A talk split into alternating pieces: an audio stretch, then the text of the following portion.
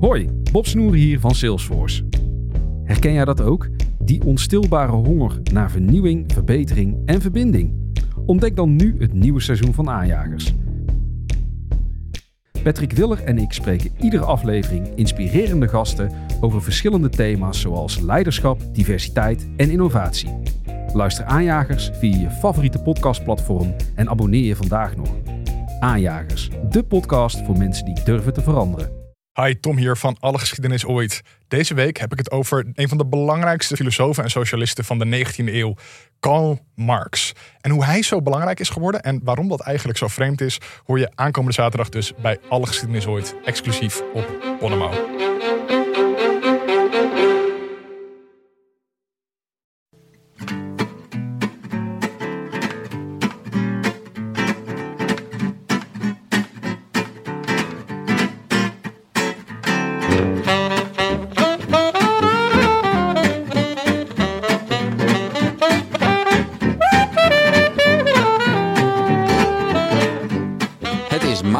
22 augustus, 156 dagen na rug. En live vanuit de Dag en Nacht Studio's in Amsterdam-West is dit de Rode Lantaarn.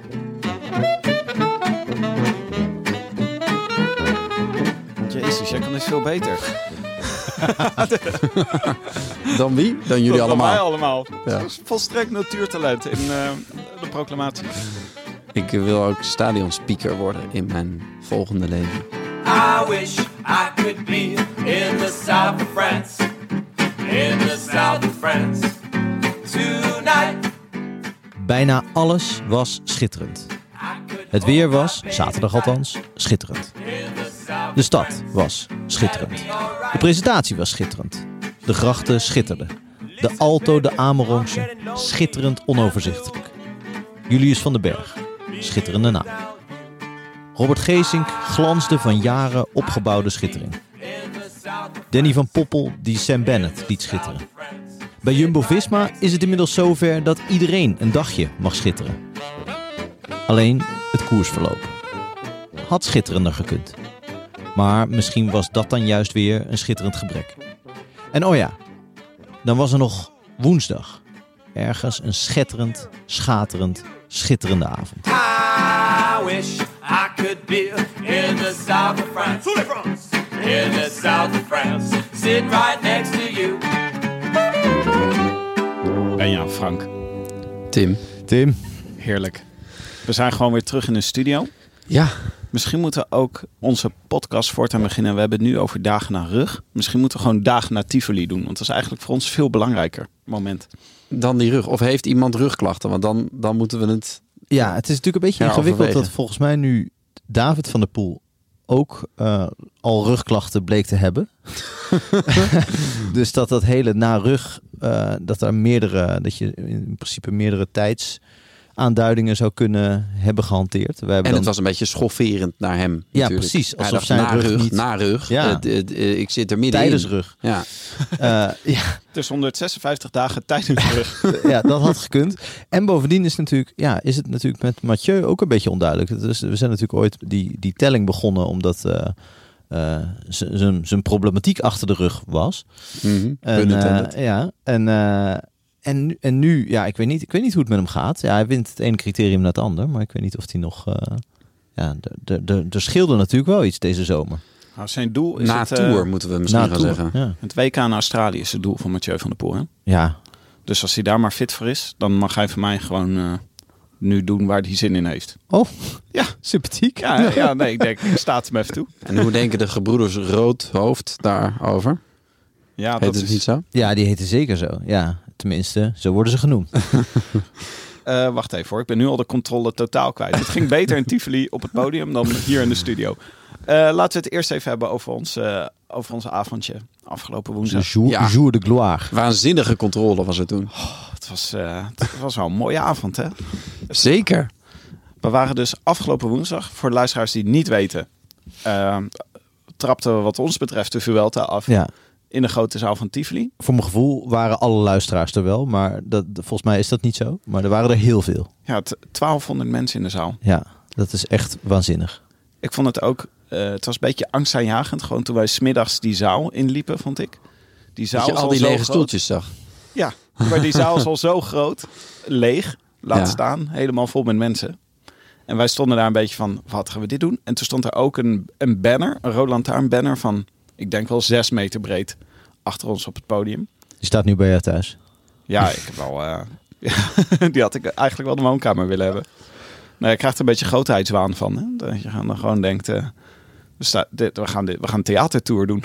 dus ik was helemaal vol adrenaline, adrenaline s'avonds, ging naar huis. Ik had echt... eh, Heel, eh, ik had echt het gevoel dat we samen met de luisteraars een hele leuke, leuk feest hadden georganiseerd. Ja, dat was het natuurlijk ook gewoon. Want het, ja, ik was ook heel benieuwd hoe, hoe dat dan live zou zijn. Mijn introductiepraatje ging ook over de vraag of het wel verstandig is om zoiets voor publiek te doen. Eh, nou weet ik wel dat andere podcasts dat ook wel eens hebben gedaan. Eh, natuurlijk niet in zo'n megalomane setting als wij woensdag. Maar nee? Zijn wij de meest megalomane onder de podcasts? Dat, ja, misschien sinds woensdag wel een beetje. Ja, daar moet je Tim aankijken. Hier. Het is vind ik een wel- vrij grote zaal. Maar bijvoorbeeld een podcast als Man, Man, Man verkoopt ook grote zalen altijd uit. Ja. Maar het was in ieder geval voor ons. Ik heb nog nooit zoveel luisteraars bij elkaar gezien. Het Ik echt nooit wel- zoveel mensen bij elkaar gezien. Dat was echt, nee, Was en, je, eh, ja. Oh, de, de, de start in Utrecht was natuurlijk daarna pas. Ja, die was daarna pas. Ja, dat is voor Utrechts begrippen was dit eh was die Tivoli-avond. Nou, ik vond, ik vond het echt waanzinnig. En ook heel leuk natuurlijk. Een deel voor ons van de lol was denk ik ook dat na afloop... eh, dat je dus mensen die altijd naar je luisteren en dus eh, altijd ons horen... ook een keer iets terug kunnen zeggen eindelijk. En dat, dat werd ook met graagte gedaan. Er zijn zakken hamkaas gesigneerd door ons allemaal. Ik neem aan Eén dat die- zak, toch? Of niet? Eh, ik heb er meerdere gezien. heb jij meerdere ja, zakken voor, voor dezelfde... ik maar één hoor. Echt waar? Ja? Oh ja, dus, dus eentje heel veel waard en eentje een beetje. Een beetje, ja. Hm. Het- Het is wel ongelooflijk hè, dat je dan... eh, we hebben het voor elkaar gekregen om 1200 mensen te verzamelen... die allemaal bij het woord hamkas al beginnen te joelen. Namelijk dat het niet hamkas is, maar hamkaas. Ja, precies. en eh, gewoon, de, ik had het gevoel dat de hele avond een beetje zo was. Je hoeft maar het woord Remco Evenepoel te noemen. En iedereen begon al te proesten. Want het is gewoon... Het was een warm bad. Ja, Ja, het was toch? een thuiswedstrijd. Ja, zeker. Ja, behalve dat er natuurlijk een paar eh, mensen waren. Tenminste, ik had één iemand eh, uitgenodigd te weten, mijn vader. Die, eh, die niet naar de podcast luistert, of in ieder geval voor zover ik weet niet.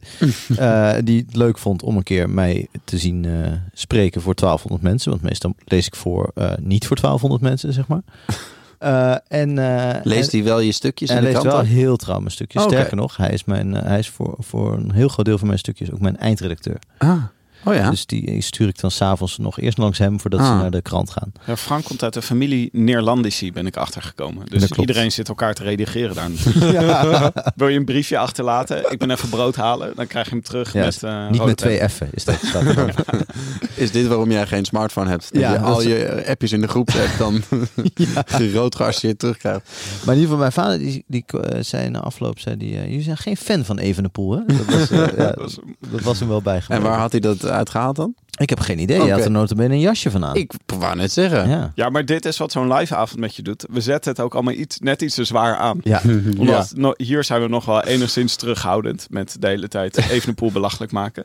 Maar nu zaten ze ineens voor een, zaal, vol, eh, met, voor een zaal vol met mensen die begonnen te applaudisseren als je Evenepoel belachelijk maakte.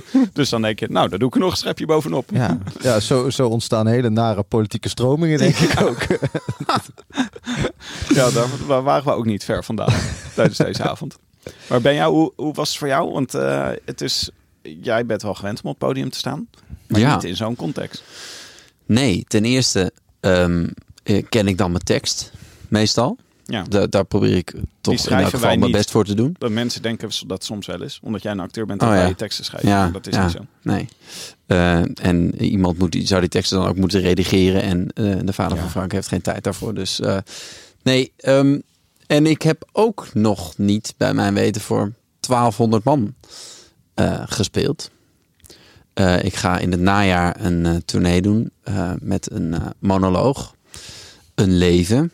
Er zijn al kaarten beschikbaar.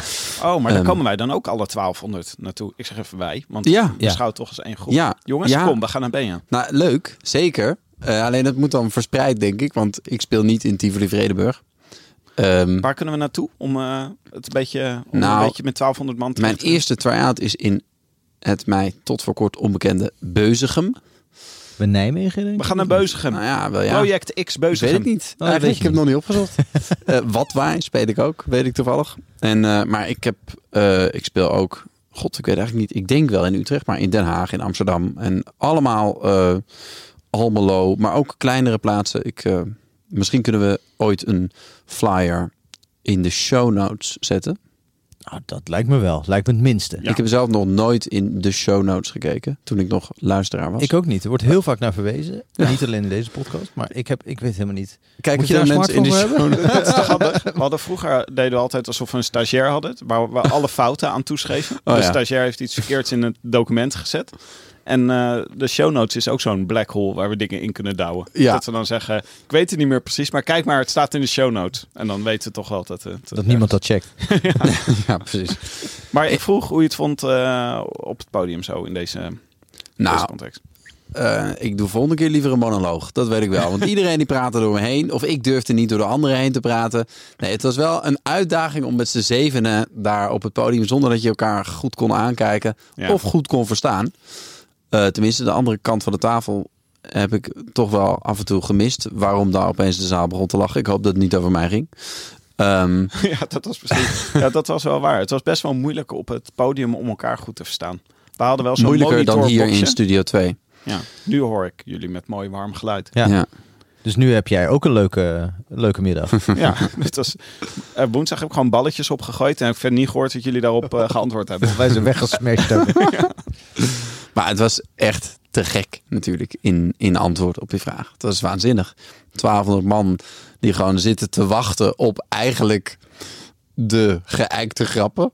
Probeer je dan nog een beetje bij te schaven of te veranderen. Maar ja, het, het, het was gewoon alsof iedereen er zin in had. Nou, dat was waarschijnlijk ook zo. En, en dat we dat konden leveren en dat mensen echt een superleuke avond hadden. Ja, Maar het, ja. het gekke verschil natuurlijk tussen, tenminste voor zover ik wel eens eh, optreed, dat komt niet zo heel vaak voor, een stuk minder vaak dan jij.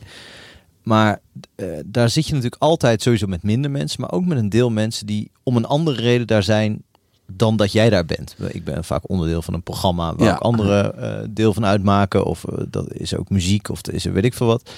En dan ben je een soort van bonus act. En dan denken mensen, nou, ik weet niet wie dit is, maar ik zou uit beleefdheid maar even luisteren. Maar nu is gewoon, ja, nu had ik het idee dat die mensen er allemaal niet waren. Dat er alleen maar mensen waren die echt op een paar eh bekenden van ons na misschien, eh, die echt heel erg voor de podcast kwamen. En niet dat ze wel eens af en toe luisterden, maar dat ze gewoon alles, dat ze ook dit aan het luisteren zijn. Ja, Gewoon dat ze de recap van deze avond Ja. ook weer meepakken. ja. Je kan hem overigens terugluisteren. Hij staat gewoon bij ons in de feed. ja. Hoeft ik vind niet. het, de, we hebben de lachband te, te, hard- te zacht gezet. Ja, daar kunnen we misschien nog wel wat harder gelach overheen monteren. Ja, gewoon wat eh, van het zonnetje in huis overkopen. of zo. of misschien kunnen we zo meteen samen wat inlachen. En dat monteer ik er dan Oh, dat overheen. wel. Of monteren. We, we moeten toch hier af en toe ook al gniffelen. Misschien kun je die gewoon verzamelen en daaronder zetten. Ja. Ja, gewoon over elkaar heen. Het is wel echt een verslavende eh, bezigheid om een dat je een grapje voelt aankomen en dat je weet van nou, dit zou zomaar eens een keer gewoon voor 1200 mensen of la- voor in ieder geval 1000 mensen een lach kunnen veroorzaken. Dat je, dan ben je wel geneigd om gewoon in iedere zin een grapje te proppen. Want Ja. het is gewoon echt het allerlekkerste geluid eh, ooit natuurlijk. Ja, Jonna zat er ook lekker in. Die, had gewoon, eh, die, s- die pro- probeerde ook homeren naar homeren te slaan bij het publiek. En eh, dat werd gretig in ontvangst genomen. Ehm, even kijken, want ehm, ja, je kan dus terugluisteren. Hoeft niet. Het is geen kanon, zouden ze in de, in de serieswereld zeggen. Het is geen Roland Lantaarn kanon. Je, hoeft, je mist niks als je hem niet terugluistert. Dat bedoel ik. Nou ja, Je- hallo, eh, mis je niks? weet ik niet hoor. Nou ja, om, dit, om, deze, om deze, de rest van deze Om, om aflevering het te begrijpen. Oh ja. Ja. ja. Want eh, wij, gingen, wij zagen elkaar twee dagen later weer. We hebben elkaar echt astronomisch veel gezien afgelopen Ja. week. Gezellig. Het was Heel gez- veel. ja. En ook Jij zon. ben zegt gezellig en jij zegt heel veel. Ik moest eraan denken dat Frank helemaal niet gewend is om collega's te hebben. En ineens wordt hij met ons opgezadeld. en ik kwam net binnen. Ik zeg tegen Frank, goedemorgen. Het was nog net niet. Ja. Goedemorgen, wat heb jij in je broodrommeltje zitten? En ik had mijn broodrommeltje bij me hoor. Ja, dat is een flinke Zeker. trommel hoor, ja, vind ik. Echt een, echt Ja, toch? Een joekel van een trommel. Maar Maar goed, wij gingen vrijdag met z'n drieën, deze drie, Benja en Frank en ik. Ja, Naar even de- zonder Jonne ook, toch? Even- Zonder Jonne. Ja, die was kapot na woensdag. En die moest gewoon eh, een weekend eh, alle, alle, aan de bloedzakken. alle bloedzakken losgooien op eh, Lowland. Maar ehm, eh, wij, zijn, wij gingen naar de Vuelta starten in Utrecht. Ja. Eh, om eh, sfeer te proeven en om live te kijken. Ik heb het Ja. gevoel, ik heb niet heel erg goed live gezien. Jullie Nee, wel? We hebben wel meer dan sfeer geproefd. We hebben van alles geproefd Ja. eigenlijk. Ja. Eh, maar het was... Het Hebben was jullie ook de paella geproefd of niet? eh, nee, want er stond een hele lange rij. Ja. Maar goed, ja, we, we, dit, dit geeft al weg dat we niet, eh, niet tussen het gepeupel stonden. Ja, we hebben ons weer laten vetteren. We Ja. waren door eh, Jumbo uitgenodigd om eh, bij de Jumbo fanzone. Wat een topbedrijf, hè, Jumbo. ja, Nou, echt. en Visma. Visma is... Visma- ja, Visma niet. bedrijf. En Hema. Ja, en Hema, want dat is onze sponsor natuurlijk. Ja. Dankzij wie we daar naartoe mogen. Precies. En, eh, Dat zijn we vergeten in Tivoli trouwens. Hema, We hadden 1200 man Ja. ma kunnen laten brullen. Hey, Oh, wat goed. Ma. Oh. Dat hadden we met z'n allen moeten doen Ja. natuurlijk. En dan zo. Hey, ma. Dus we moeten nog een keer terug. Ja, We moeten even die 1200 mensen moeten even een datumprikker eruit sturen. Dat die 1200 mensen, want het is flauw als andere mensen dan de kans krijgen. ja. Nee, want dat is, dat is natuurlijk niet leuk. Nee, mensen die dit hebben door, doorstaan, die mogen ook hey ma komen roepen met Toch? ons. Maar Wel Frank, opnieuw een kaartje kopen. jij- jij als, Utrecht, als Utrechter, wat, eh, wat vond je ervan? De eh, start van de Vuelta aan Utrecht.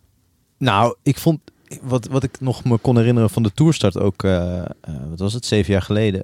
Eh, dat gold nu weer, ik net terug was van vakantie, kwam ik ook echt terug in een stad waar gewoon een hele leuke, prettige sfeer hangt. Die eh, een beetje, ja, gewoon aan, wiel, aan wielrennen vasthangt, vind ik. Dus, dus het is wel groot en massaal, maar het is op geen enkel moment vervelend groot en massaal. Het is heel, heel gezellig en heel, heel prettig. Iedereen heeft er heel veel zin in.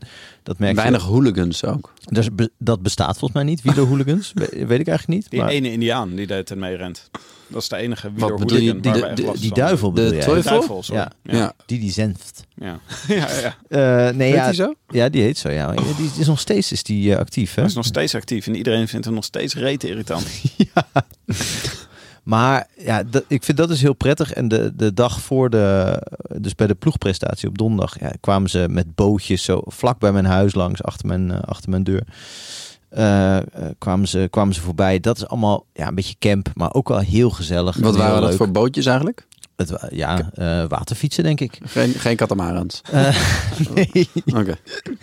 Nee, eh, trouwens was ook iemand die stond op de kade en die riep naar Alejandro Valverde, Alejandro, one more year. En toen schijnt hij zijn duim opgestoken te hebben. Dus we zijn nog niet van hem af. Maar uh, nee, ja, ik vond het echt heerlijk. Maar die vrijdag, en puur over de, over de wedstrijd en hoe het eruit zag en het parcours en zo. Dat was, was, was niet... Ik ben echt uh, dol op Utrecht. En ook wel een klein beetje trots, al slaat het nergens op. Ik heb niks zelf gebouwd in Utrecht. Maar uh, ik had wel het idee dat het mooier had gekund, zeg maar. Dat het mooier in beeld had kunnen worden gebracht en zo. En, en het was natuurlijk een veilig parcours en een snel parcours. En dat is allemaal nodig voor een ploegtijdrit. Maar ik vond niet... Je had ze liever over de Oude Gracht, of hoe heet dat daar? Ja, de Oude Gracht, zo heet dat daar. Ja, ja ik weet het niet. nou ja, maar het starten en finishen nu in de jaarbeurs. En ik moet er gewoon... Als aan twee binnen... zijden van de jaarbeurs. Twee dus, zijden ja. van de jaarbeurs. Ja. Ik moet gewoon direct denken aan de megafestatie. Als wat bij de wat vind jij van de... Van de ja. Ik de studiebeurs. Wat vind jij van de jaarbeurs als gebouw? Het is een prachtige, prachtige ja. locatie. Het is mooi. Zowel de binnen- als de buitenkant natuurlijk. Nee, maar het is gewoon... Dat is net een stukje van Utrecht wat nou niet zo mooi is. Dus je zou denken van... Had je, had je de finish en de start niet op een iets meer historische plek of zo moeten ja, doen. Ja. Wij zaten nog over te speculeren, Frank. Jij, zei, jij kwam nog, jij zei van waarom rijden ze niet gewoon om het single heen? Uh, ja, park. dat is maar kort natuurlijk. Dat is, uh, wat, ik denk een kilometer of zes. Als je de, dat kan je nu helemaal rondfietsen. Dat is, sinds een paar jaar is, dat, uh, is de single weer helemaal in ere hersteld in Utrecht. Denk dat je met een, met een klein bochtje redelijk mooi de, de single kan volgen. Dan heb je veel mooie beelden. Het is een beetje kort voor een ploegentijdrit. Maar ja, wat mij betreft hoeft het ook geen ploegentijdrit te zijn eigenlijk. Nee. Uh, ik had een individuele tijdrit ook wel leuk gevonden. Maar nee, het is, ja, ik weet niet. Het, het is dan, ja, bij de jaarbeurs is natuurlijk, dat is beetje van, de jaarbeurs heeft iets van dat goedkope brood, dat wat je er ook opsmeert, het smaakt altijd naar dat brood. Ja. Weet ja. je wel, wat je er ook organiseert, Zeker. het is altijd de jaarbeurs. Ja. Het, het ontstijgt nooit. Uh... Het is altijd een megafestatie. Ja. Dat is gewoon wat je ook doet. Maar aan het publiek lag het niet, want iedereen zat er zeer goed in. Er kwamen heel veel mensen. Ja, de sfeer was echt geweldig. Uh... En het was natuurlijk extra mooi door de resultaten. De, gewoon uh, de, de resultaten van de ploegtijd. Voor, voor de Utrechtse, voor, voor de mensen die op waren komen dagen. Ja, goh. Ja, ik hoorde in een andere podcast hoorde ik iemand zeggen dat er ook echt nu een soort dat mensen echt fan zijn van de Jumbo-ploeg in Nederland. Dus dat, dat is, hangt natuurlijk niet zo aan wielrennen dat je fan bent van een ploeg. Uh, je bent vaak fan van een renner of fan van een nationaliteit of weet ik veel, of van de sport als geheel. Mensen nu echt fan zijn van de Jumbo-ploeg. Ja, ik, ik heb toch vanuit mijn, vanuit mijn Rabobank tijd, Ja? toen ik daar nog reed, nee, toen, ik, toen die nog rondfietste, heb ik toch een, nog een soort ingebakken fandom voor Ja, dat is Jumbo-Visma. de- Voor, de, voor de toch, Ja? ja, op, op, de, op de smeulende resten van Rabobank is toch Zeker. Is, toch, is dit toch gebouwd. Eh, En ja, op de een of andere manier zit dat dus. Ik, ik vond vroeger wilde ik ook liever dat Oscar Freire won dan Jeroen Blijlevens of zo. Wat heel raar is. Ja? Ja. Dat is heel raar. Freire, ja, ik Ja, wij hebben een kon paar het ook niet verklaren. Ontzettende chauvinisten natuurlijk in de podcast. Zo Willem en Frank, die willen gewoon altijd liever een Nederlander dan Ja. redder wel, van, ja. eh van Ja. Nee, ik heb ook nog wel bij Rabobank had ik ook nog wel echt zo'n Pavlov-reactie als er een Rabo mee zat in de kopgroep of nog in, het, eh, in, de, in, de, in de bergen bij, bij Armstrong en Ulrich erbij zat. Was, was ik echt opgetogen. Ook zelfs als dat Garate was. Dat geef ik, geef ik grif toe. Maar dat heb ik bij Jumbo-Visma heb ik dat inmiddels minder. Ik bedoel, ik vind het heel leuk en ik gun mensen die daar werken en die, die je wel eens ontmoet of zo, dat, ze, dat hun werk zo'n succes is en zo. Maar ja, ik heb daar geen, eh, geen hele grote emoties bij. Nee. ja, het, het laat jou koud of eh Roglic of Carapaz wint. Eh, nou, ik vind Roglic toevallig een, eh, een leukere renner dan Carapaz. Maar En het zou Vingegaard ook en, en Van Aert. Nee, nee Maar- ja, bij, bij Vingegaard vind ik, het al, vind ik het al een ander verhaal. Ja, Ja. ja, dat, eh, daar, daar heb ik een lang verhaal over moeten schrijven. En dat was... dus sindsdien, sindsdien ben ik... Sindsdien haat je hem. Ja, s- heb ik een overdosis genomen van, eh, van Vingegaard in het voorjaar. Ja. Maar goed, nee ja, maar ik vind, vond het heel leuk. En wat, ik, wat me opviel trouwens, want eh, een, een spoiler, eh, Jumbo won vrijdag. Mhm. Eh, dat er, en wij waren in de Jumbo fanzone, dat er best wel ontspannen gereageerd werd. Toen er, je denkt, nou, we zijn nu in het epicentrum van, eh, van de vreugde. Nou, het was echt eh eh, geroutineerd juichje, was het, Ja. Ja. ik. Klein Ja. applausje en dan gingen mensen weer op zoek naar een stukje lumpia of een... eh, Beetje zoals Real Madrid van. Osasuna wint, weet je wel? Dat, Ja. nou, dat kan nog net een applausje vanaf. Ja, maar zo, zo, zo, Zo voelden het ook. ook Ja. wel, toch? Ja. Tenminste, ja, het was ook niet echt spannend, want het was vrij duidelijk dat ze, ja, ze lagen voor bij het Heel eerste tussenpunt Zeker. al ruim. Nou ja, dan denk je, ja, consolideren. Wie Ja, komt er als eerste over de finish? Dat was het spannendst eigenlijk. Oké, maar laten we, daar, eh, laten we zo nog even kijken naar de uitslagen van de ploegen, eh, ploegentijdrit. Eh, ik wil nog heel even in de categorie andere dingetjes dan de Vuelta. Wilde ik nog even... eh gisteren was ook de Bemer Cyclassics. Ja, Dat, is, eh, dat was wel opvallend, vond ik. Hoe, hoeveel goede renners daar aan de start stonden. Heet hij nog steeds wel de Cyclassic? Is dat eh, in stand gebleven? Want het was natuurlijk ooit de HEW Cyclassic. Ik, of is het nu de Ja, volgens mij wel. Bemer, Bemer Cyclassics, ja. Over die woordgrap zijn ze zo tevreden dat ze hem al 25 jaar eh, in stand houden. Ja, ja precies. En, eh, maar dat was, eh, wat daar wel opvallend aan was, was Wout van Aert was volgens mij de grote favoriet. nou, Nou ja. eh, het, is echt een, het is echt een sprintersbal, deze klassieker. Ja. Kijk, de mensen in Tivoli zien nu dat ik, dat ik, dat ik aanhalingstekens in de lucht uitbeeld. Maar eh, de mensen die dit op hun telefoon luisteren niet. Ehm, eh, het is geloof ik altijd een sprint geworden.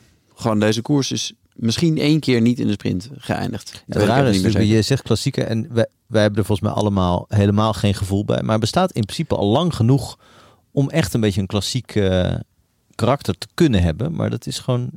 Ja, hoe, lang staat deze al op de... Ja, wel in ieder geval volgens mij zolang ik wielrennen kijk. De laatste Ja, keer oké. was Eh, 2019 dat hij gereden werd. Toen won Viviani voor Ewan en niet solo.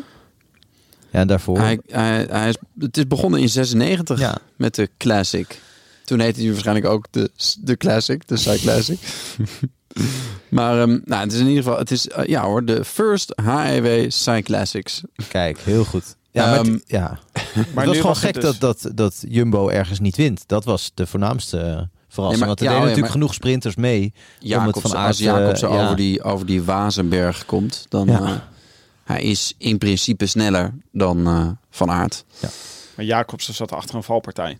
Exact. Iemand, iemand heeft het peloton getackeld als een ware David tackle. David Nee. Dekker. David Dekker. Ehm, ja, eh, Marco Haller reed daar heel erg in de buurt. Volgens mij ging Van Emden als eerste onderuit. Eh, na een zwieper van iemand. Mhm. Misschien wel van Emden zelf, dat weet ik niet. Hm. Hij zwiepte in ieder geval onderuit en nam het halve peloton mee. En toen, eh, toen kwam er een groepje voorop en daar, eh, daar kon eh, Van Aert dan eh, eh, uit wegkomen samen met vier anderen, waaronder twee Bora's. En ze hielden 12 seconden over op het peloton of iets dergelijks. En hij liet zich eh, flikken, Ja. Van Aert. Nou, wat wel Of tenminste, opvallend is, Liet is zich dat- flikken of werd hij gewoon geklopt? Hij werd gewoon geklopt Ja, eigenlijk. Ja. Ja. maar ja, wanneer ga je aan en hoe? Ja, je, je, je kan zo'n sprint beter ingaan. Hij kwam, hij kwam hard terug op hem. Ja. Dus als de, als de finish 10 meter verder had gelegen, had hij misschien wel gewonnen. Dus dan heb je toch een beetje het gevoel dat hij zich laat flikken. ja. Maar Wout van Aert heeft nu, eh, ik zag ergens een statistiekje, dat hij sinds hij bij Jumbo zit, is hij 23 keer met een klein groepje aangekomen. Waarvan hij acht keer de sprint heeft gewonnen. Wat eigenlijk best weinig is. Waarschijnlijk als hij Ja. met, eh, met het peloton aankomt, eh, ligt zijn percentage hoger misschien. Ja, ja dat gevoel heb ik ook. Ja. Dus is, Wout van Aert heeft een mysterieuze eh, krachten om, eh, om gewoon een totale eh pelotonsprint te winnen. In zijn eentje Ja. een bergetappe te winnen. Maar in een groepje aankomen toch eh, vaak wat moeite, meer moeite mee heeft. Sagan had dat ook in zijn heydays. Die, was ook, die, die won wel massasprints, ook in de Tour, als alle kleppers er waren. Moest hij een beetje geluk hebben met dat de rest omvergekegeld werd. Door zijn elleboog bijvoorbeeld. Maar eh, hij kwam hier aan in, een, in, een, eh, in de omloop of zo met, met bijvoorbeeld Van Avermaat erbij. Die toen ook nog goed was. Dan verloor hij bijna altijd. Heel vreemd. Misschien is dat omdat dan in zo'n klein groepje echt iedereen alleen maar naar de favoriet kijkt. Terwijl in een groot peloton heb je nog wel meerdere, meerdere kanten die je strategisch op kan. Nou, dat klopt natuurlijk. In een, kleine, in een klein groepje heb je veel minder voor en daardoor ook nadeel van je positie. Eh, bijvoorbeeld in een sprint A2 heb je, zijn er maar twee posities. En als je bijvoorbeeld als, als Jacobsen een bocht verkeerd inschat, dan zit hij opeens in elfde positie. En dan moet hij, moet hij eh, 25 meter goed maken op Sagan bijvoorbeeld. Dus ja, dat, dat, dat, daar zal het wel mee te maken hebben. Dus dat de intrinsieke snelheid niet het grootste ehm, win. eh, Is dit de zwakke plek van Van Aert? Is dit de manier om bijvoorbeeld als je naar een WK gaat... waar hij natuurlijk de grote favoriet gaat zijn... en waarschijnlijk volgend jaar de klassiekers ook... om hem in de war te maken. Dus niet hem eraf proberen te rijden... maar juist proberen zo'n groepje van een man of acht te creëren. ja, Gewoon ja, dat- dus dan moet je ook. Moet je ook dat de helft van de ploeg zich inhoudt. De helft Ja. van Quickstep. Zo van, "G- zullen we er naartoe? Nee, nee, nee, nee, nee. Nee, laat hem nou maar met die paar... Dit kan hij niet. ja. Ja, dat is slim. Goed ontleed. Eh, maar laten we dan naar de Vuelta gaan. Ehm, mooie overwinning overigens voor Marco Haller. ja, Dat was ook... eh, ik vind dat best wel een leuke renner. Is Ik dat. had hem niet opgeschreven, Nee. ben ik heel eerlijk in. Het is niet vanzelfsprekend dat hij wint. Nee. Nee. Eh, Oké, de Vuelta. Eh, eerst nog even over de ploegentijdrit van afgelopen vrijdag. Eh, waren daar nog opvallende resultaten wat jullie betreft? Ja, het verschil van met Jumbo met de rest, zou ik zeggen. In eerste instantie. Toch wel meer dan, meer dan, eh, dan ik had gedacht eigenlijk. Dat, dat Ineos op 13 seconden wordt gereden, vind ik echt vind ik wel veel. Ja. Nou ja, het is wel 23 kilometer toch? Of 22? Ja, maar als je de verschillen daaronder ziet, dat eh, die ploegen zijn, die ontlopen elkaar niet zo heel veel. De top 3 is een beetje afgescheiden en dan, dan is de rest eigenlijk praktisch even, even snel. Er zit Ja. weinig tussen. Ja, klopt. Jumbo, In- Ineos en, eh En Quickstep. Ja. En bij Quickstep was het natuurlijk eh, maar aan één man te danken. Wel Want mooi overigens. dat Evenepoel gewoon weer in de laatste 50 500 meter, Ja, waarin ja. de camera, de vaste camera op hem staat, voor zijn eigen ploeg gaat rijden. Ja, Om nog even te laten zien dat hij het echt allemaal wel zelf moest doen. Ja, is dat omdat hij het omdat hij dat wil laten zien, of omdat hij het daadwerkelijk voor een deel gewoon alleen moet doen? Tenminste, hij is Ja. natuurlijk. Dus, eh, de Evenepoel Appreciation eh, Society komt hier even de hoek om kijken. Maar hij is natuurlijk, hij was toch wel waanzinnig goed ook. Ik bedoel, het was niet het handigste wat ik ooit gezien heb in een ploegtijdrit. Maar mijn god, bedoel, als je zo'n ploeg uit elkaar weet te rijden, het is ook wel een prestatie. Het is niet een prestatie waar je echt mee verder komt. Maar, Een beetje, beetje zoals, zoals de echte god, ga ik weer met mijn aanhalingstekens. Ja. Die heeft ook hè, van alles bedacht, ook de mens. Dat is niet per se handig. Zijn beste prestatie. Nee, maar het is wel knap. Ja, wat een goede vergelijking. Echt hè? Ja, dat is echt precies Evenepoel. Ja, Nou, Het was de schepping vrijdag die we gezien hebben. maar ik vond het ook weer zo. Ik, ik denk. Wij kennen hem natuurlijk niet, dus we moeten, we moeten een beetje einfühlen en verstehen. Maar ik, hij, hij zegt dan, ja, ik deed beurten van een kilometer. Ja. Best wel moeilijk, toch? Ja, lijkt mij hartstikke moeilijk. Maar het was ook nodig, zei hij. En, eh, en ergens halverwege maakten ze een foutje. Of maak, maakten we een foutje, dat weet ik niet. In ieder geval, ik heb het vermoeden dat de fout Niet, niet, van hem kwam. van hem kwam. Eh, dat had tijd gekost. En op het eind ja, leidt hij, rijdt hij dus zijn ploeggenoten los. Een heel klein stukje hoor. Het was allemaal heus, niet, heus geen drama. Maar het is in ieder geval niet handig. Nee, het zag er gewoon een beetje knullig uit. Ja, en, en, maar ik denk dus, Korte ik denk dus, ik heb het gevoel dat hij toch denkt, ik ging hard joh. Ja. Ik race er gewoon los. ja. En ik race uit het wiel. En dat, dat kan ik niet kwijtraken, dat gevoel. Misschien is het helemaal niet zo. Misschien heeft hij gehuild in, het, in, de, in de plaatselijke Ibis. Wa- wa- Wat, wat voor een hotel hadden ze. En, ehm, en baalde hij echt van de seconden die ze daardoor hebben misgelopen. Dat, dat zou kunnen. Maar ik, ik, ik heb het gevoel bij hem dat hij, dat hij toch denkt, zo, Dat alles een soort armpje drukken is. Ja. Eh, ja. eigenlijk wel ja. Maar wat, wat ik ook nog wel een opvallend moment vond, was eh, even later. Wij stonden dus daar bij de jaarbeurs. En toen moest Ineos beginnen. En toen klom er, klom er ineens klimaatactivisten voor ons over het hek. Ja, Ja. niet op tv geweest, geloof ik. Nee, want wat er gebeurde was, wij zagen, we hoorden rumoer. Eh, er klom dus een man die klom eigenlijk vrij rustig het hek over. Voor onze neus. Ja. Ja, trok volgens mij een shirt uit, waaronder hij een eh, shirt aan had. Dus die was blijkbaar ook de Jumbo-ruimte ingekomen. Dat Hmm. was ook trouwens eh, opvallend. Maar in ieder geval, die ging voor ons op parcours lopen. Maar die werd echt voordat eh, de camera's aangingen, hardhandig verwijderd door Ja. wielerfans.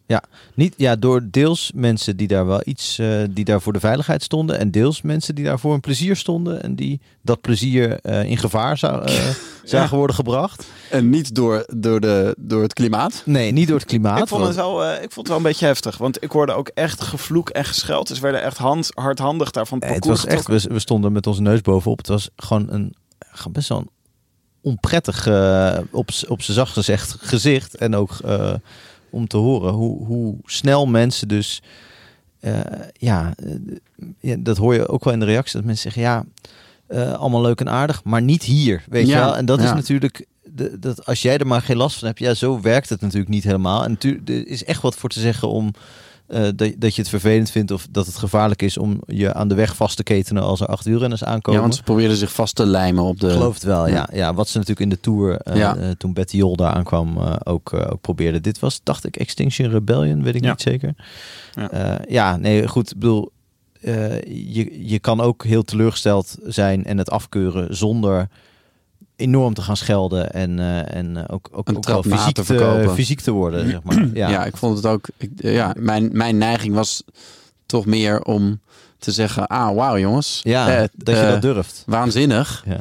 Jammer, ja... de- de- fijn dat de koers door kan gaan. Ja, ja ook Maar dat, ik hoop ja. dat jullie in ieder geval een, een foto hebben opgeleverd. Hoe Ja. zeg je dat? Dat het jullie een foto heeft opgeleverd. Nou, Ja. weet ik niet. Heb ik nergens teruggezien. Maar Dus ze deden het expres voordat de Ineos van start ging. Ja. Want dat vinden ze dus een eh, verschrikkelijke ploeg. Ja, Of komt er niet een nieuwe fabriek van eh, Ineos ergens? Waar, waar tegen Oh ja? de, de protest, eh, zeg maar, in, de aanleiding was voor het protest. Maar goed, de, de diepere oorzaak voor die protesten is natuurlijk, eh, eh, die gaat ons eh, allemaal aan. En eh, ja, het is toch gek dat mensen zeggen, ja, dan moet, moeten ze bij het autoracen proberen. Eh, Dat, ik vind dat toch niet zo'n niet zo'n sterke jijbak, moet ik nee, zeggen. nee. Ik bedoel, ja, wat mij betreft eh, doen ze het ook bij het autoracen. Ja.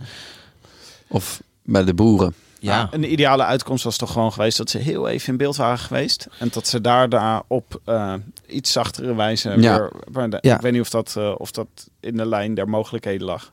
Nou maar ja, dan had de Ineos misschien een minuut later gestart. Is er, is er een, eh, net als bij het voetballen is natuurlijk bekend dat ze dat per definitie buiten beeld houden. Dus dan is af en toe gewoon een minuut, kijk je naar de scheidsrechter. eh, Ja. Terwijl er vijf meter verder eh, Ja.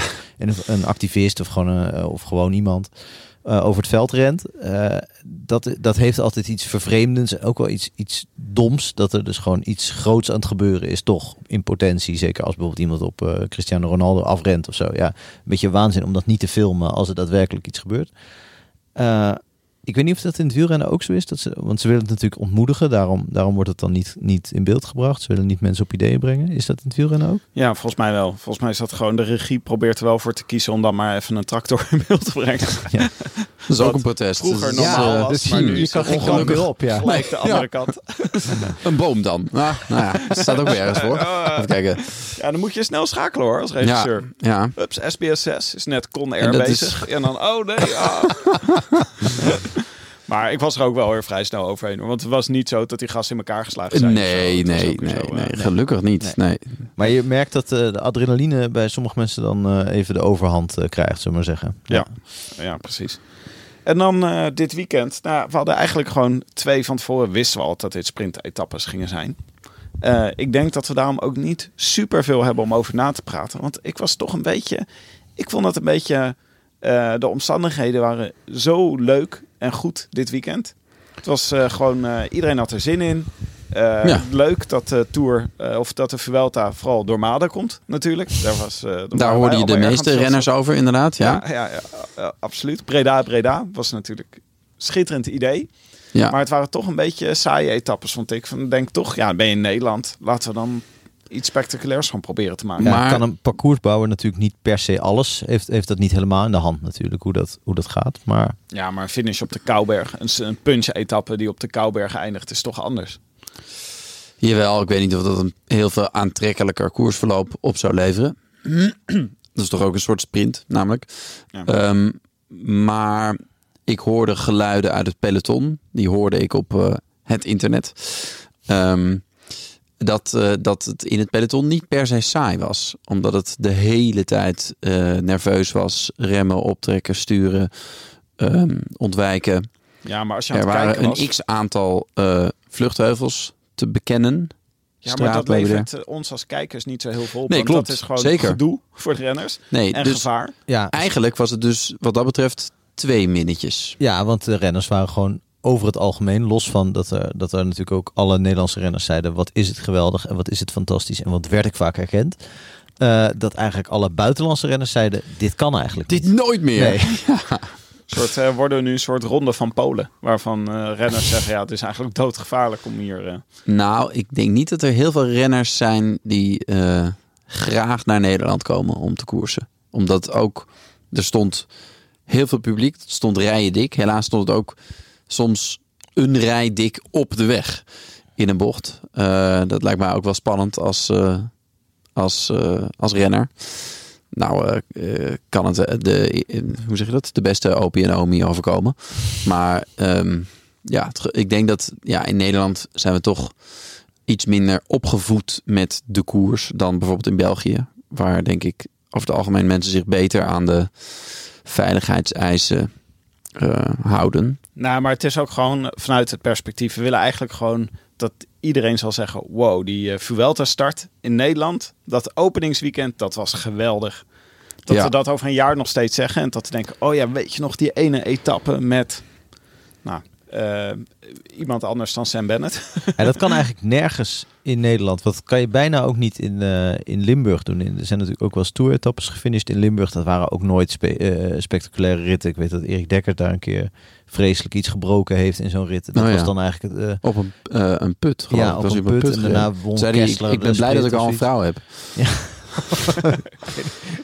maar, maar in ieder geval, eh, dus, dus, dat dus dat, in Nederland kan je zelfs als je het zwaarste parcours en, en ook een van de mooiste regio's opzoekt, kan het, is het alsnog in zo'n grote ronde heel anders dan de Amsterdam Gold Race bijvoorbeeld.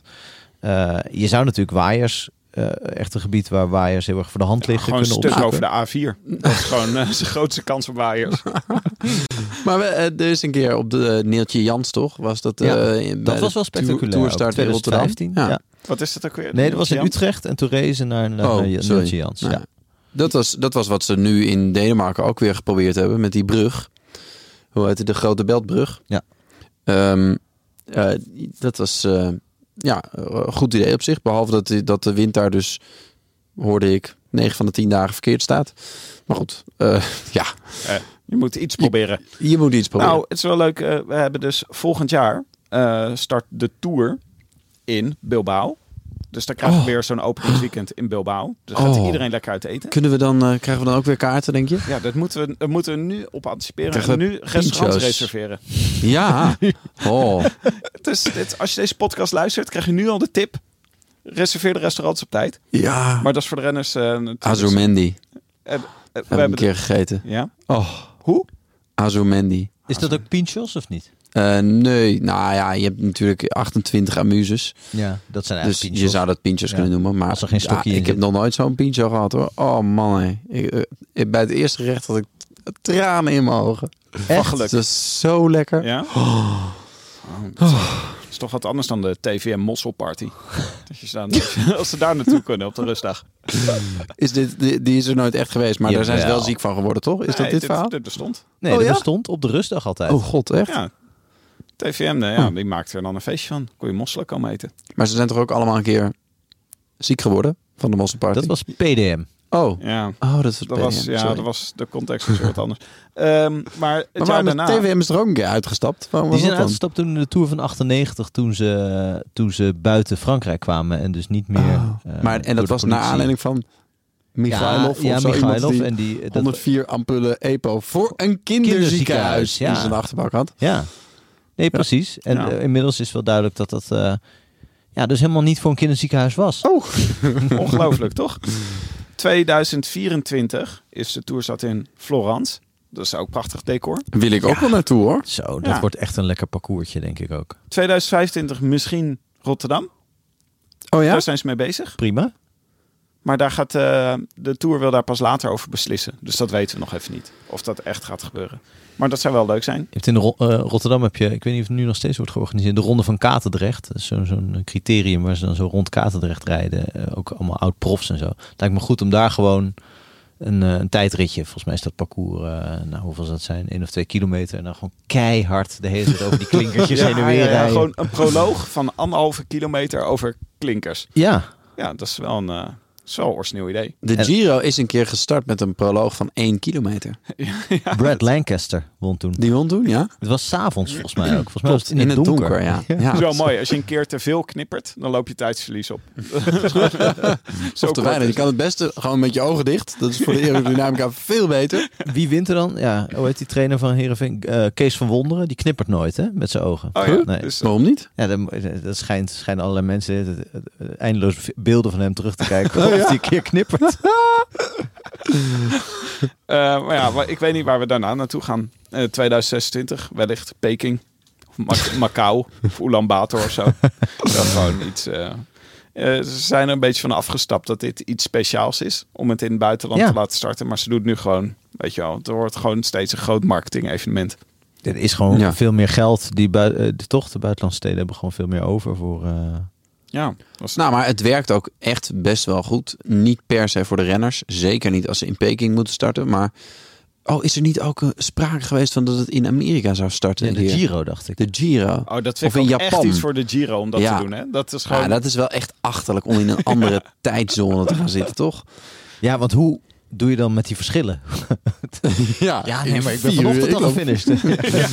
Ehm, nee, dat lijkt mij echt een heel slecht plan. Maar op zich, voor de beleving, is het, is het heel leuk voor eh, in een ander land. Je bereikt er ook daardoor veel meer mensen mee natuurlijk. Het is wel een slim idee. En als je ergens leuke parcoursen kan bou- bouwen, bijvoorbeeld in andere landen dan Nederland, dan eh, is, het, eh, is het alleen maar te prijzen in die zin. Terwijl eigenlijk, ik vond in het begin ook een beetje een onnodig circus.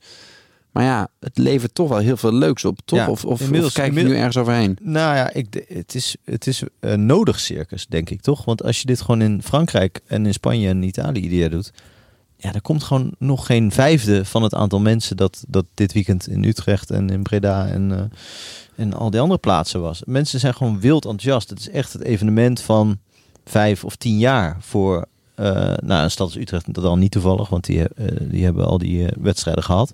Maar voor al die dorpen waar ze doorheen zijn gekomen, is het Ja. gewoon Maar hoe vaak hebben die nou zoiets Heusden. groots? Ja, en dat is overal, overal in Europa heb je dat. Maar in Frankrijk zijn dorpen daar natuurlijk niet zo, niet zo vol van. Nee, die denken gewoon, jezus, heb je dat gedoe weer. Ja, Ehm, Nou, dat, dat herken ik in, hoe zeg je, tot op zekere hoogte. Dat je als je de, bijvoorbeeld toen de Giro in Amsterdam startte, vond ik dat ook leuk. Ben ik ook gaan kijken. Maar ik dacht, ik ga dan in de middag of zo. Ja. En daarvoor dacht ik dan, oh, dan ga ik bij die op bezoek. En dan kwam ik er niet langs, weet je. Dan denk je dus, dus het ligt heel dicht bij elkaar. Dat je denkt, hè, waarom loopt dat parcours nou precies hier? ja, Heel irritant. ja. Zeker Ehm, voor mensen die helemaal niet van wielrennen houden en ineens daarmee geconfronteerd worden. Ja, Maar eh, de Giro start waarschijnlijk in Die zijn er niet, toch? Pescara. nee, heel weinig. Ja. Heel weinig. Pescara, volgend jaar. Pescara. Pescara. Pescara, denk ik. Pescara. Ja. Volgend jaar. is dat eh, Zuid-Italië? Dat gevoel krijg ik erbij. Eh, Ik kijk even naar onze Italianoloog. Ja, ik ben wel een Italianoloog, maar hier val ik even door de mand. Ik, ik weet het niet, maar ja, ik, laten we jouw gevoel eens een keer leidend laten zien. Nou, leuk. Voor Ik, je eh, op. Ik heb het belletje niet bij de hand. Mike is Ah. er vandaag niet. Nee. Anders hadden we zeker het belletje bij de hand gehad. Waar zijn Maaike en eh, Jonne dan? Moeten we dat vertellen? Eh, ja, Weer thuis, waarschijnlijk trouwens. Maar Ja, ze waren op en ziek, Ja. neem ik aan. ja, hondsberoerd. Nee, het ligt aan de Adriatische kust. Eh, ongeveer hemelsbreed vanaf eh, op de hoogte van Rome. Aan de Mm. andere kant. Nou, telt dat als zuiden? Nee. Ja, Een beetje, midden. daar echt be- midden. Heel erg daar midden. begint het zuiden natuurlijk, Ja, onder Rome. Nou, dat bedoelde ik. Ja, Ja. precies. Maar eh, waar ik een kwartier geleden over begon. eh, de twee etappes dit weekend. Ja, Ehm, ik denk dat zou Padlef s- een slecht weekend hebben gehad. Want zijn eh, Tim Merlier, die die toch als Belgische belofte naar Quickstep gaat halen vorig jaar. Die werd twee keer afgetroefd. En we Oh. hadden twee keer Sam, Sam Bennett. Nee, ik denk dat Padlef hoopt dat Melier geen koers meer wint. Zodat hij straks, als hij Oh ja. bij, bij Quickstep Alpha Vinyl, of hoe ze het tegen die tijd ook heette, weer kan shinen. Ik denk Quickstep dat, denk dat, Soudal? Ja, oh ja, dat is het, ja. Ja, dat is toch ook wel een van de krachten van die ploeg of van Padlef zelf of van, van misschien wel Ik denk van Steels die daar, die daar werkt. Dat ze toch een aantal van die sprinters weer eh, hebben gereanimeerd, min of meer. Zeker. Ja, Cavendish eh met het beste voorbeeld. Maar ik dacht dat Kittel ook, voordat hij naar Quickstep ging, een heel beroerde periode had gehad. Zeker. De, eh, sterker nog, ik denk dat ze eerst iets door het eten van een, van een concurrerende sprinter roeren. Eh, zodat, hij, eh, zodat hij helemaal niks meer presteert. En hem dan voor een schijntje Ja, naar Quickstep halen. en Tim en dan had ze hem achter eten in de vriezer gezet en heeft het pas nadat hij het contract heeft getekend eh, opgegeten. Ja, nee, het is. en het is waar wat je zegt, maar het, het omgekeerde is al helemaal waar. Een sprinter die weggaat bij Quickstep, Ja. die wint anderhalf seizoen niks. Oh Wie, ja, wie gaat is ook weer weg? de- oh, Cavendish Nu natuurlijk. gaat ja. Cavendish weg. Maar Cavendish blijft gewoon volhouden hoor. Die, eh, dan gaat hij anderhalf jaar gaat het niet goed. Maar dan over hij weer anderhalf terug jaar gaat hij weer proberen. Oh ja, dat lijkt me mooi als de Tour in Peking start. Dat Cavendish dan weer bij Quickstep, Die ene overwinning die er nog van verwijderd is. hè. Quickstep. Garmin rijdt tegen die Ja, tijd. precies. Quickstep Jumbo Garmin. Ja, Ehm, maar eh, wat mij vooral opviel aan deze twee sprintetappes... was het kwam me allemaal erg ongeorganiseerd over. Het was niet zo dat we nou allemaal vloeiende treintjes zagen sprinten. nee, dat klopt. Maar dat, dat is ook omdat we weinig vloeiende sprinters zijn. Ja, het was er gewoon een beetje... Het was een beetje een zootje. En het, je kreeg een beetje de indruk ook dat die treintjes zijn samengesteld... ongeveer drie dagen voordat de Vuelta was begonnen. Dat ze zeiden, ja, we sturen nu Merlier naar de, naar de Vuelta. Maar wie wil er met mee als lead-out? Dat dan zo één iemand achter in de zaal zijn hand gestak... en een materiaalman en de. Lionel Die zitten nu Tamino allemaal dan mee maar. als... eh, Ja, en, en Floris de Tier, die ze volgens mij uit de Ronde van Denemarken hebben geplukt om hem een dag later in de, eh, op te kunnen stellen in de Vuelta. Tenminste, ik dacht dat hij dat was. Ah, dat is waarschijnlijk Eh, omdat in Oscar van Riesebeek... Ja, dat is ook wel sneu, hè? dat is heel sneu, ja. ja. En daaruit blijkt dus ook, waar, waar we het ook in Tivoli, wat jij vertelde, ben je over de Vuelta. Het rare daar natuurlijk aan is, wie heb je nog gewoon als ploeg? Wie is er nog over? Wie is er nog fit? Niemand weet het precies. Er is er één gast die heeft zich dan voorbereid.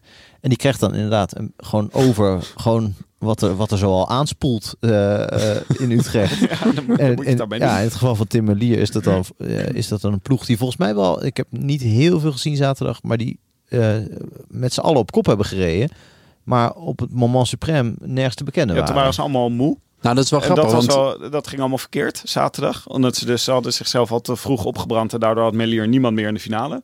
nee. En zondag deden ze van de weeromstuit maar niks meer. Dat was een beetje de... Nou, dat, dat is eigenlijk de tactiek die ze wel vaker eh, ge- gehanteerd hebben natuurlijk. Bij Waar ze ook veel kritiek op hebben gehad. Exact. Ja.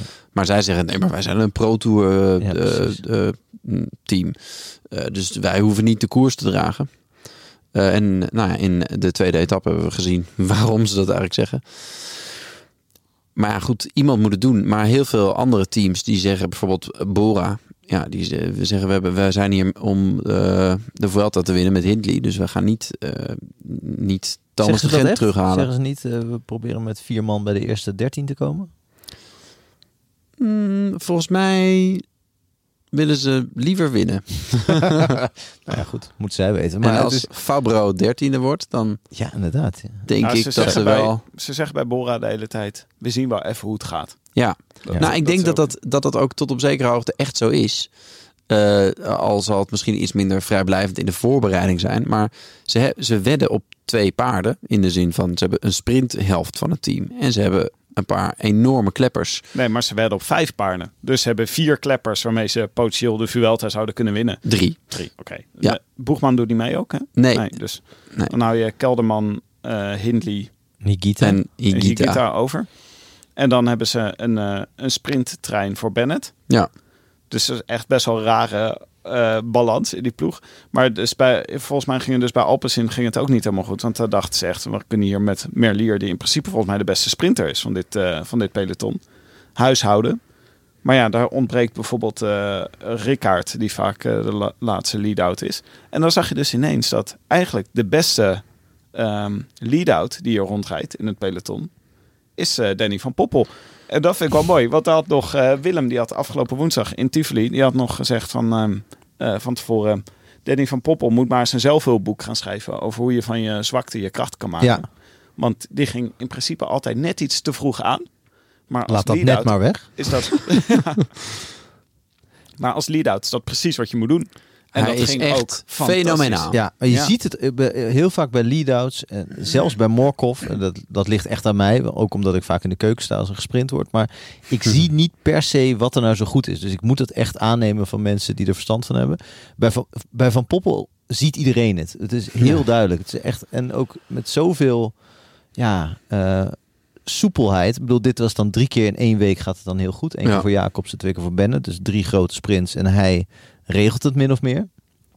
Waarvan, waar- waarbij bij Jacobs kan zeggen, dat is ook intrinsiek de snelste van het peloton eh, vorige week. Dat vraag ik me bij Bennett eigenlijk al af. Nou ja, Bennett, hij is 32, dus we weten dat niet helemaal. Maar hij is wel, hij is de snelste geweest. Hij hoorde echt bij de, bij de top van de top, Ja. een paar jaar geleden. Ja. Toen hij bij Quickstep reed. Eh, ja, Nou, en het jaar daarvoor bij. Bora ook. Ja. Dus ja, als hij weer op niveau is, dan, dan kunnen we Melier niet zo heel veel verwijten. Nee. Want dan, eh, dan is het gewoon een beetje een, eh, een, eh, een dubbeltje op zijn kant. Hoe noem je dat? Een, een coinflip, denk ik. Ja, Dan en de zijn- tegenstand is natuurlijk niet van die aard. Want eh, Pedersen wordt twee keer tweede, wat een waanzinnige renner is. Maar niet een Nee. absolute topsprinter Nee. natuurlijk. Ja, je zag gisteren zag je echt dat eh, Danny van Poppel er het voor elkaar kreeg om Bennett gewoon direct na, naast, volgens mij waren het Pedersen en McClay en Merlier, geloof ik, te krijgen die, die zelf al een stuk in de wind hadden gereden. Doordat de sprint echt was begonnen, maar Danny van Poppel er nog steeds bij zat. En Bennett echt alleen maar het laatste stukje Ja. zijn kracht hoefde te gebruiken. Ja. Ja, het, het geweld. Ik, ik, mijn, mijn column eh, schreef ik vandaag over Danny van Poppel. eh, Ook omdat het gewoon zo'n. Ja, in interviews vind ik hem ook wel fascinerend. Omdat hij zo. Eh, hij praat een beetje lijzig. En hij praat ook altijd heel. een beetje twijfelend. Wat natuurlijk Ja. voor een sprinter wel eh, ongeveer de slechtste eigenschap ooit is. En dat doet hij al jaren. En toen zocht ik in mijn archief op of ik al eens eerder over hem had geschreven. Toen vond ik een stukje van negen jaar geleden. Toen hij als 19-jarige naar de Tour ging. En een soort van het nieuwe supertalent was. Werd meteen derde volgens mij in zijn eerste massasprint in de Tour.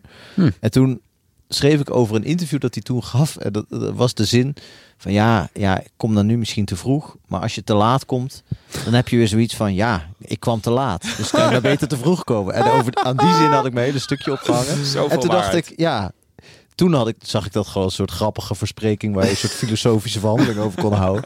En nu denk ik van ja, dit is gewoon de kern van zijn, van zijn Ja. bestaan geworden. Dat Ach. is toch wel goed. Wat, wat waanzinnig. Wat Zie je wel, deze biografie schrijft zichzelf al. Ja. Is gewoon... eh, Nee, hij moet het zelf doen. We, we moeten geen andere mensen zich mee bemoeien. Het moet echt zijn. Ja, ik weet niet of het dan meteen. eh, eh, ja, nee, ik, de- volgens mij zou hij. Ja, ik praat nu een beetje zoals hij ook wel eens in interview praat. Hij moet een beetje woorden wegen. Maar ik denk dat hij, eh, dat hij echt een heel goed zelfhulpboek zou kunnen eh, schrijven. Al dan niet met hulp van Willem. Hmm. ja, ja, precies. Willem, hoor je dit? Willem heeft tijd over, toch? Ja, die heeft genoeg te doen. Want die zit hier niet eh, keihard te powerduiden zoals mij. Nee. Maar ehm, eh, nog even twee dossiertjes. Eh, eentje, Geesink in de rode trui. Teunis in de rode trui. Dat Ja. was toch echt heerlijk. Ja. Ik hoopte dus een beetje dat Jumbo het zo zou gaan organiseren... dat er dus elke dag iemand anders de rode trui heeft. En dan zit er maar één ding op. Eh, dan moet eh Affini denk ik afstappen vandaag. Ja. Dan eh, gaat hij eh, door naar Ome. Ome, ja. Ja, op de rustdag bedoel Ja. je? Ja. Wat goed. Ja. Dit had ik helemaal nog niet gedacht. Ja. Want ik dacht, oh, nu wordt het wel moeilijk. Maar deze, deze U-turn Ja. had ik nog niet En- verzonnen. En dan morgen is dus... eh, Het wordt wel een beetje een dure gimmick dan. Ja, Maar, het wordt een beetje gedoe. ja. Want morgen is dus een punch-etappe. Ehm, en dan zouden ze op zich hem door kunnen geven aan Roglic, Ja. denk En ik. aan wie moet hij hem dan doorgeven? En daarna beginnen mijn scenario's een beetje dun te worden. Nou ja, ik bedoel, Koes, eh, kan- eh, ik weet niet of Zou heeft hij al morgen niet kunnen? opgelopen? Nee hoor. Die, die staat gewoon nog bij de eerste zes. Oké, die staat want- vierde. Want inmiddels, dit is, het is leuk om nog een keer de Vuelta te winnen, maar dit is nog nooit vertoond. Laten we dit eens proberen, toch? Ja, dit is... ja, precies. Want Ro ja, Roglic, weet je wel, voor hem is de walk in the park aan het worden. Je Ja. moet het toch een beetje... Nou, het is wel... Jumbo-Visma is wel Echt aan het spelen, toch? echt... Het lijkt mij ook wel misschien motiveren... voor als ik een Ineos renner was of Ja, Bora. Dat ja. je denkt, deze gasten Dit is die echt denken dat gallery ze... play op het Dit is, voetbalveld, dit toch? is Dat inderdaad die hakjes. Dus dan ja. heb je twee varianten. Of je gaat gewoon harder lopen. Of je bent zeg maar je schopt Diego. Simeone. Ja. En dan schoffel je ze met twee benen van achter onderuit. Ja. Eh, nou ja, dat deed dus eh, Marco Haller. In de Be- Bemers Cyclassics. Ja, want anders krijg je wat er in de ronde van eh, Denemarken gebeurt. Dat ze daar ook nog eens iedere dag Nou, hallo. winnen. Olaf Kooi. Ja. Die heeft er twee gewonnen. En Laporte ook twee. En dan mocht er tussendoor mocht Philipsen ook een prijsje. Ja. En wat zo zijn ze ook alweer. hè. Ze, zeggen, ze doen niet alles onder ons. Ze zeggen ook van nee. Nee, maar wat er gisteren gebeurde, zondag, probeerden ze dus, denk ik, Ome eh, eigenlijk in de leiderstrijd te krijgen. Of Affini. Uiteindelijk werd het Affini, maar Ome zat in derde positie voor die, voor die sprint in de laatste twee kilometer en zo. Ik had het idee dat, eh, en ook volgens mij de Belgische commentatoren, dat hij zich moest plaatsen. En dan, ik wist niet, weet niet precies hoeveel die moest worden, maar om, eh, om dan Voor over te nemen. Alles voor Affini was goed. Ja, min of meer, denk Ja, ik. Nee, dit, dit gaat me boven de pet. Maar in ieder geval was... Ik had het idee dat dat het doel was. En dat pakte dan anders uit. En dat, toen dacht ik wel van... Dit is bijna overmoedig eh, aan het worden. Want voor hetzelfde geld ga je in de laatste bocht dan onderuit. Ben je twee knechten kwijt. En eh, eh, zit je na acht dagen... Zit je nog met drie renners en een achterstand. Maar misschien Ja, is maar dat nou exact wat er gebeurd is. Dat Ome dacht, hier moet ik doorheen. Ja, Dat ga ik niet doen. Want het risico dat ik val is te groot. En Ja. hij heeft hij in de remmen geknepen. ja nou, dat Dus zou dan- hem eh, want- sieren dan. Ja. Nou, mijn, mijn, het, ik denk dat als ik het scenario helemaal uitwerk, dan is het dus Affine moet afstappen vandaag. Koes en Roglic moeten morgen gewoon volgen. Niet proberen te winnen, maar gewoon volgen. Ja, Dat kunnen ze volgens mij wel. Op zo'n, eh, het is, ja, dus een punch. Koes kan dat wel. Maar dan moet Koes voor Roglic eindigen. Dat is belangrijk. ja. Eh, de rest En in dezelfde tijd als Ethan Hater. Ja, want die gaat winnen, zeg jij morgen. Nou, weet ik niet. Maar als hij wint, dan pakt hij 10 omcirkeld seconden. Dan, mag, je- dan, ma- dan moet hij niet ook nog drie seconden ervoor. losrijden. Precies. Ja, maar Koes kan wel volgen. Jawel. En Roglic natuurlijk ook. En dan de dag daarna is het alleen maar een kwestie van... dan moet Koes zich gewoon sparen. Dus dan heb je echt zes eh, verschillende rode truidragers gehad. Achter elkaar. Dat is toch wel heel erg leuk. Dat is echt leuk. Ja, daar, is daar echt gaan leuk. We, daar gaan we een eigen bokaal voor verzinnen. Als dat lukt, Ja, dan moet je dan gaan we ze huldigen ergens. eh. rode fietsen of zo.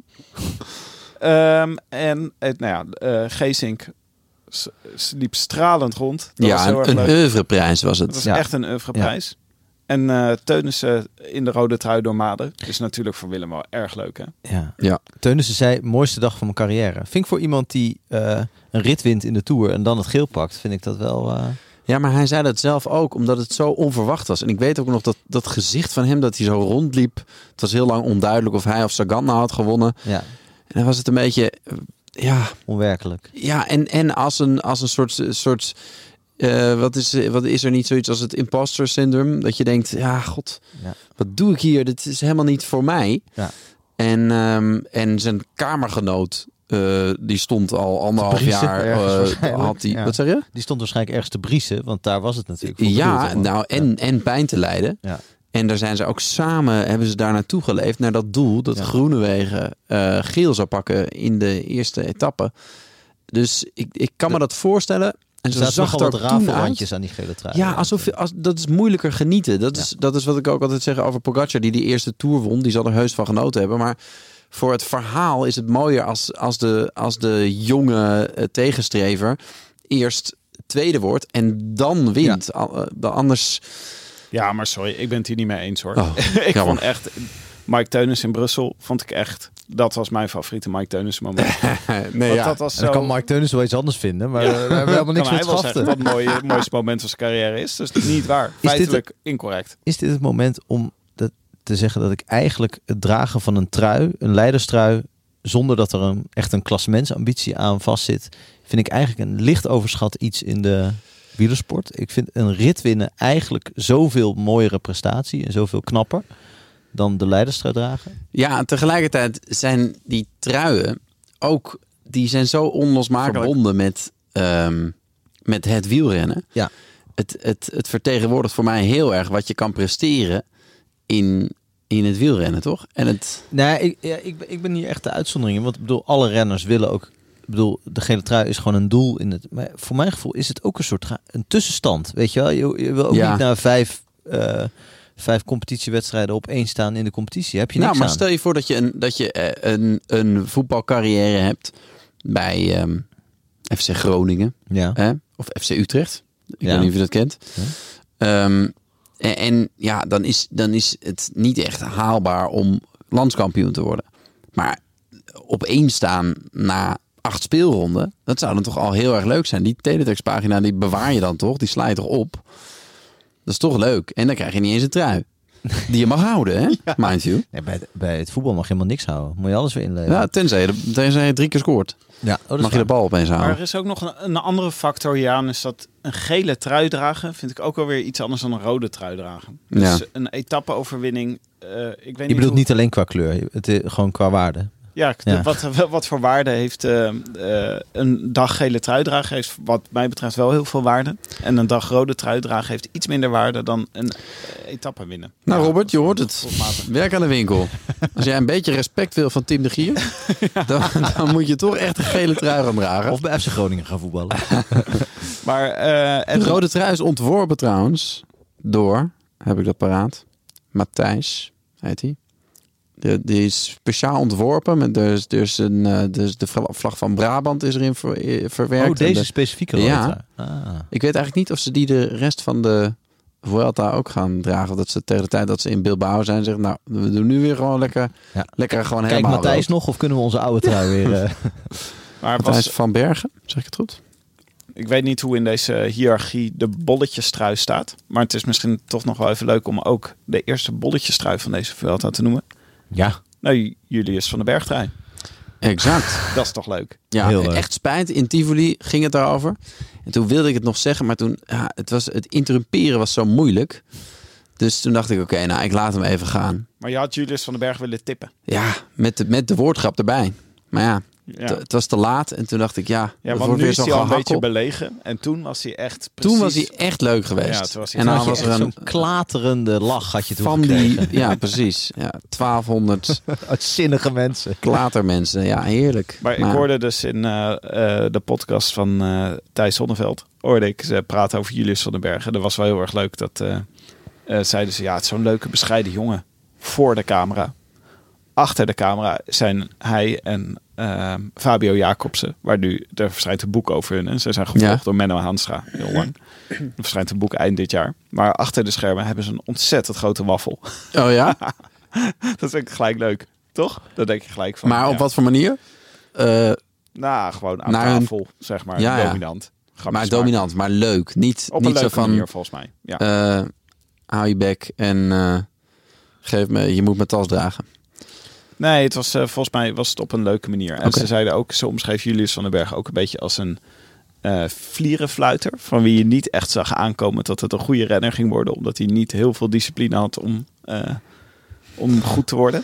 Ja, heb En ik ook wel eens gehoord. dat vind ik ook, vind ik ook een mooi detail. Het geeft toch kleur aan zo'n renner. Ja, nee, volgens mij is het echt een, echt een hele leuke, leuke gast. En hij heeft ook al wel in de schaduw, weliswaar, ook al wat mooie overwinningen gehaald. Dat was een ritje in de ronde, Ronde van, Polen, dacht Ja? ik. Ja.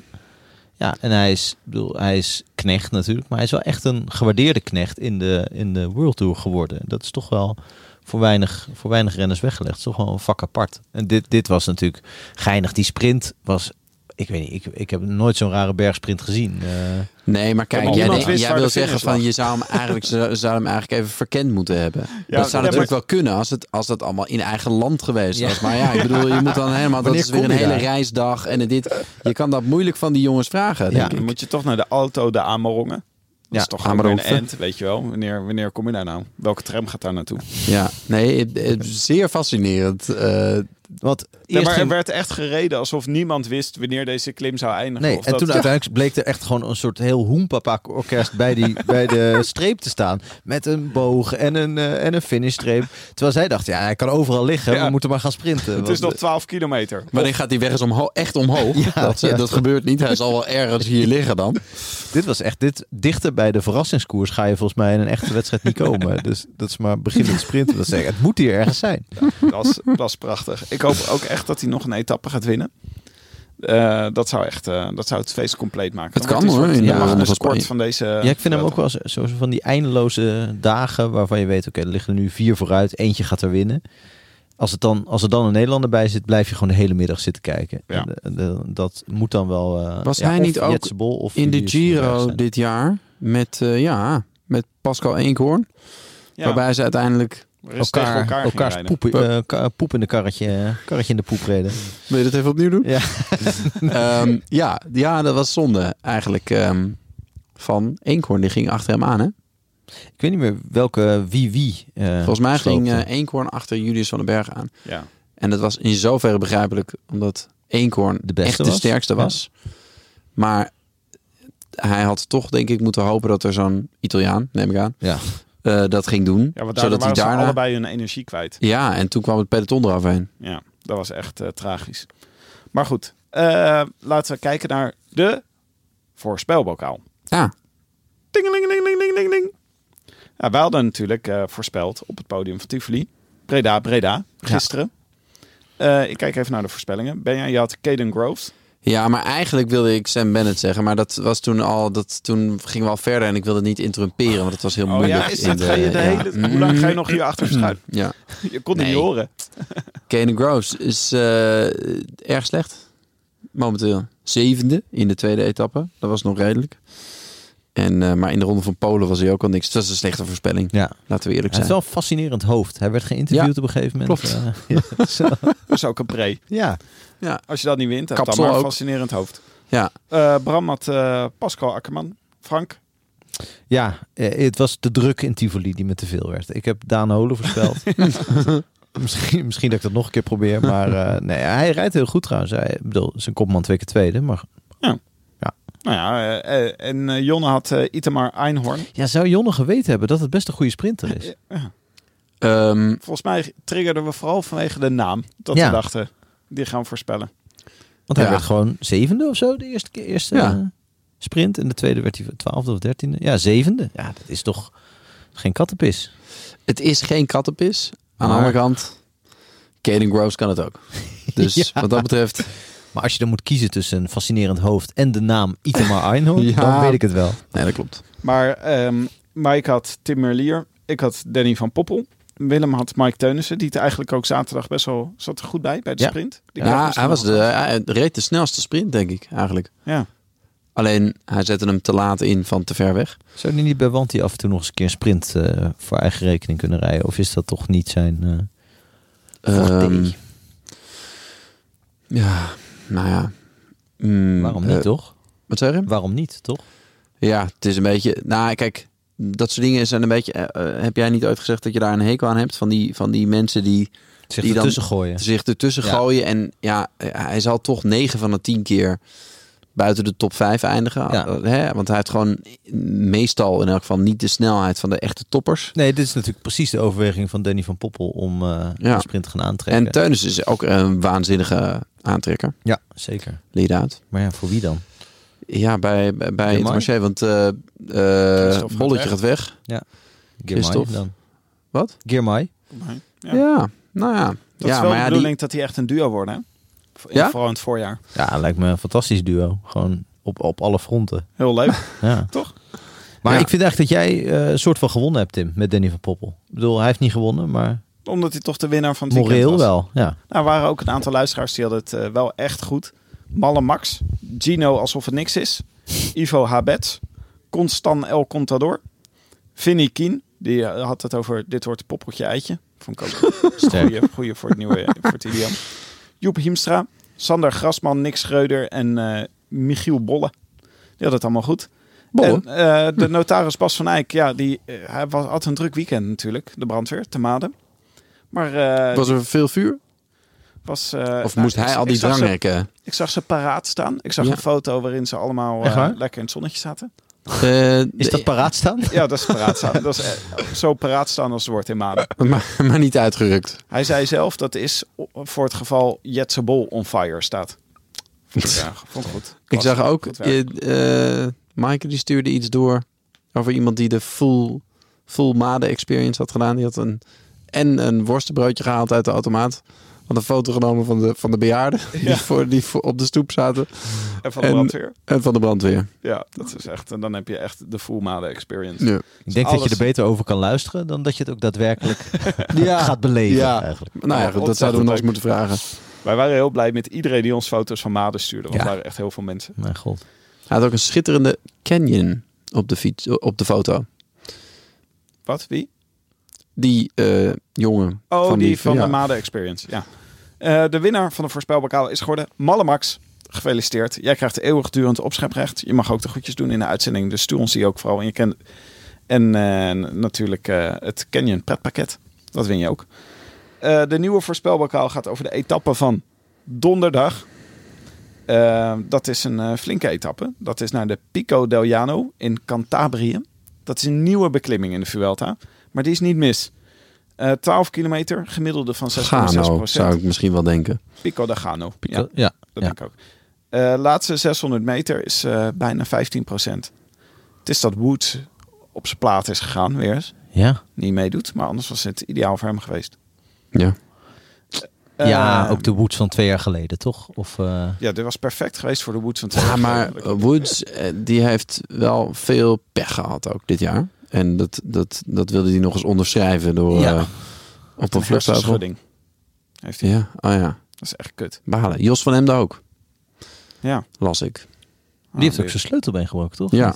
Maar ik zou denk ik liever mijn sleutelbeen breken dan een hersenschudding hebben.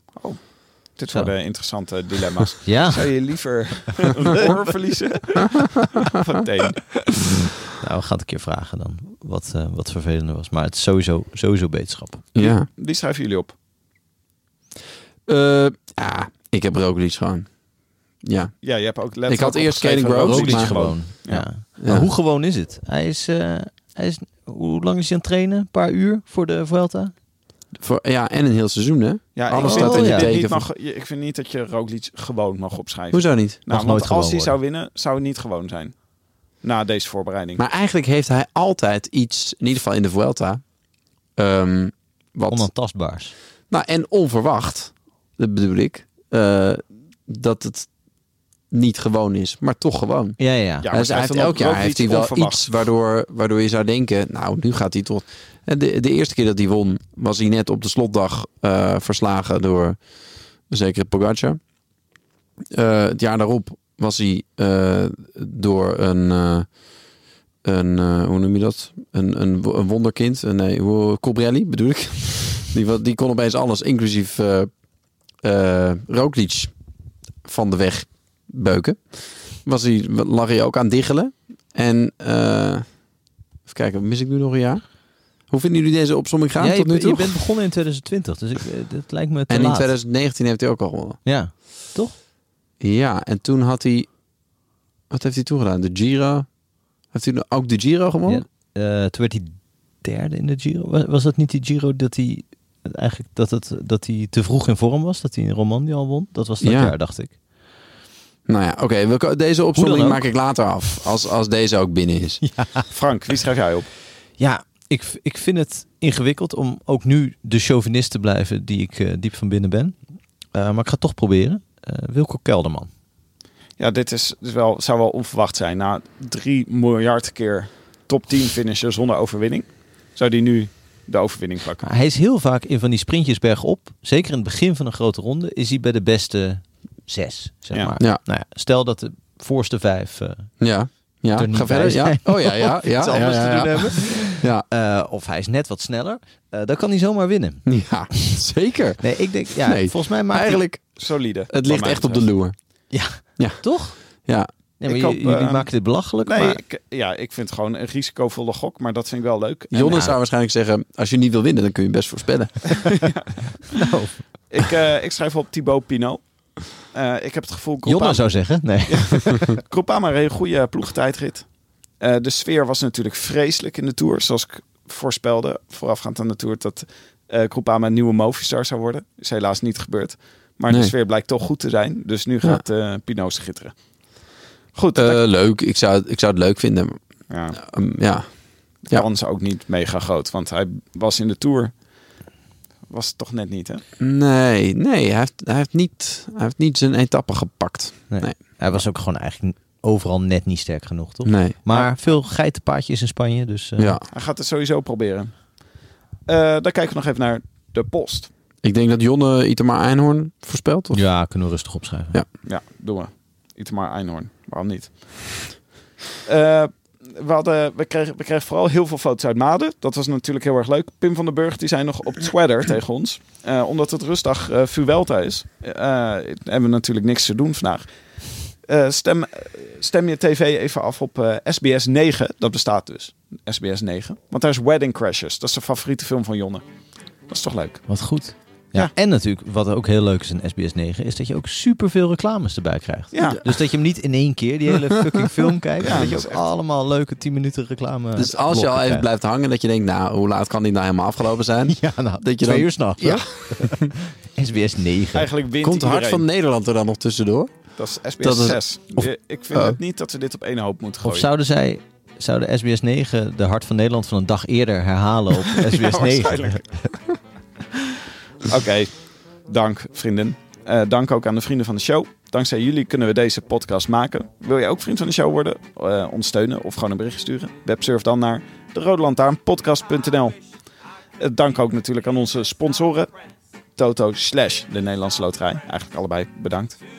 Eh, Canyon, de fiets van de show. Auto.nl voor de kartje Lara. En natuurlijk shout-out naar onze vrienden van onze heimaat. Het is koers.nl. Wij zijn er weer donderdag. Na de...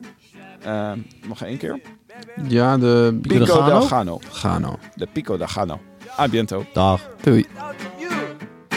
I wish I could be in the south of France.